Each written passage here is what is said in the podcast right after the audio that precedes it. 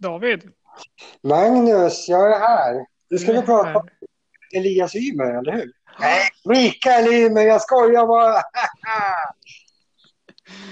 Otroligt roligt. Nej, det var inte alls. Jag sa fel, men jag räddade upp det jättesnabbt. Ja, sen sabbade jag det. eh, torsdag lunch fortfarande. Mikael Ymer har precis torskat mot Kachanov i andra rundan Australian Open. Deppigt. Det här skulle ju bli, det var ju på väg att bli sven, alltså en svensk herrtennisspelare måste jag säga nu så att du inte kommer anmärka på alla fantastiska damtennisspelare från Sverige som har gått långt i Grand Slam-turneringar säkert. Men det är ju inte någon svensk, mig veterligen i alla fall, jag tror inte att Elias Ymer har gjort det förut. Mikael Ymer har inte gjort det. Att vinna två matcher i en Grand Slam-turnering, det vill säga gå till tredje omgången. Men han var fruktansvärt nära det här. Mikael Ymer. Han hade väl 7-6 tror jag det var, egen serv i supertiebreaket som avslutade matchen här, men torskade 10-8 till slut efter att, ja, lite nervös blev han ju på slutet. Samtidigt som Kashanov som är en eh, ganska mycket större spelare såklart var lite tvärtom. Man kände väl av att ja, men Ymer kommer bli nervös här och då började Kashanov svinga på lite bättre i slutet än han egentligen gjorde under hela matchen. Men ja, Kashanov rankar 16 i världen är han väl, så det var ju ingen dum insats av Mikael Ymer. Fruktansvärt bra gjort, men eh, ja, trist. Det var nära, Magnus. Det var otroligt nära. 6-7 avgörande. Hur skulle du säga liksom att Kashanov, vad gjorde han liksom en platt match för att Mikael skulle ha chansen eller, eller kom han upp i sin nivå? Nej, alltså, det man ska veta med Kashanov, han har en bra ranking. Han var, han var ju till och med topp 10 länge under förra säsongen. Men alltså, han har inte varit särskilt bra på egentligen ganska länge. Han, blir man rankad topp 10 i tennis då får man ju väldigt, väldigt bra sidningar under ett år kan man säga i hans fall. Han vann ju masterturneringen i Paris för ja, drygt ett år sedan. Och de poängen är ju väldigt bra att ha då. Att han, han har ju varit väldigt bra sidad senaste året. Och då då gör man ofta bra resultat fast man egentligen är, inte är särskilt bra. Alltså jag skulle säga att han kanske har varit mellan 20 och 30 någonstans eh, spelstyrkemässigt senaste året. Men ändå så ligger han kvar på plats 16 för han har haft så pass bra sidningar för att möta svaga spelare och samla på sig poäng.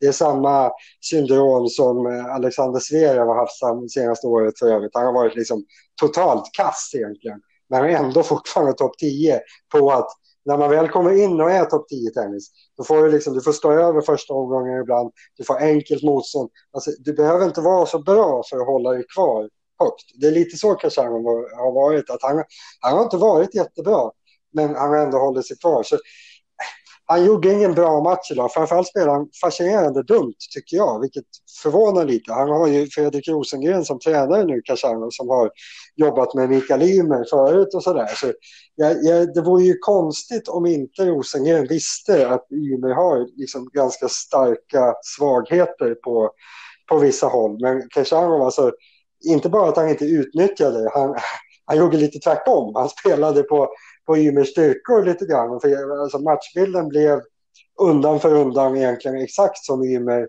ville ha den.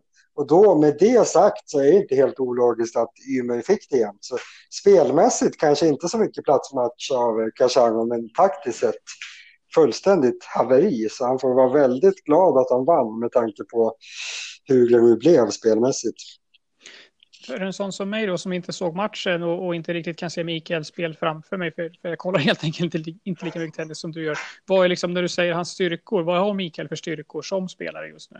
Ja, men alltså han, alla tennisspelare har ju skillnader där, mellan sina kvaliteter. Alltså vissa snabba, vissa långsamma, vissa har bättre form, bättre backhand, vissa har väldigt bra server. Ymer är lite speciell på det sättet att han har väldigt bra backhand. Alltså han är väldigt säker på backhandsidan. Han är ganska bra på att trycka till bollen där också. Eh, vilket är en ganska stor kontrast för nästan alla tennisspelare, alltså 90-95 procent av alla tennisspelare, har förhållandevis bättre forehand än backhand. Forehand är på så pass mycket enklare slag så alla får nästan bättre forehand automatiskt. Men Ymer har en ganska dålig forehand, alltså den är, den är den är direkt dålig tekniskt sett och han, han har både svårt med säkerheten där och väldigt svårt att sätta egen fart på bollen utan att bli alldeles för osäker. Eh, så det normala då det är att alltså, den normala matchbilden i tennis det är att man försöker hålla motståndaren ganska mycket i hans backhand eftersom motståndaren i allmänhet har bättre forehand än backen. Så då blir det mycket att man håller varandra i backen. Det borde ju kanske han ha fattat här, att det är inte särskilt smart. För han var ju kanske han var ju bättre forehand än backen. Men ändå så blev det väldigt mycket backen backen i den här matchen. Och, alltså, han gjorde egentligen ingenting, tycker jag, för att utnyttja Ymers eh, svaghet i, i forehandslaget. Och ja, men då ger man ju bort ganska mycket fördel till motståndaren. Sen ska man riktigt nörda in sig i det här också så ska man väl säga också att Ymer är en väldigt säker spelare i när han hamnar i försvarsposition. Eh, och då handlar det om att ska man ta risker då i sitt eget spel när man möter Ymer, då ska man verkligen kunna vinna någonting på att ta riskerna. Då ska man kunna slå igenom Ymers försvar eller slå så pass hårt och attackera så pass skarpt att man får en, en lätt boll på nästa. Då. Men Kasharov fastnade i lite att han stod liksom och tog små risker, stod och slog lite hårdare än vad han är helt bekväm med, men helt utan att kom, komma igenom Ymers försvar. Så det blev lite grann att han, han själv stod och halvchansade men Ymer hade inga problem med det. Så Ymer stod liksom och safeade tillbaka. Kashanov stod och halvchansade istället för som man borde ha gjort Kashanov. Stå, ta det lugnt tills läge ges. Då banka på ordentligt istället och förhoppningsvis vinna bollen om man sätter den. Men han spelar liksom med ganska stor risk utan att kunna få någon belöning för det. Och det är bland det dummaste man kan göra i tennis. Så det var liksom dubbelfel taktiskt på eh, Kashanov idag. Men ja, han vann ju ändå på att han trots allt är så pass mycket bättre än Ymer. man ska ju säga det liksom. Ymer är ju rankad 75 i världen och lite bättre än så är han. Men inte så här vansinnigt mycket bättre. Så när en spelare som Kashanov som är runt 20 i världen eller lite utanför speltidsmässigt. När han möter en sån ja, normalt sett ska det ju finnas lite marginaler för honom och det var väl det som gjorde att han vann till slut här trots det här taktiska haveriet enligt mitt sätt att se på det. Men Ymer gjorde definitivt det han skulle i alla fall. Han gjorde en jättebra match på det hela taget. Så han får vara nöjd på ett sätt men det måste varit en otroligt sur förlust. Så det kan bli en bra skalp där. Du, eh, kort svar på en eh, hyfsat lätt fråga hoppas jag. Tror du Ymer presterar bättre i någon av de kommande slamsen i år?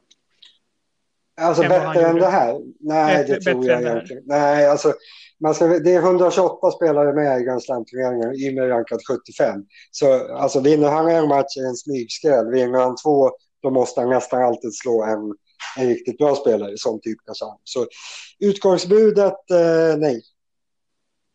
Och det är inte så att eh, grus eller gräs passar honom speciellt mycket bättre än hardcourt? Nej, alltså han är ju ganska, eller egentligen väldigt jämn över underlagen, vilket är otroligt bra eh, såklart. Eh, då får man maximal chans att, att tjäna poäng.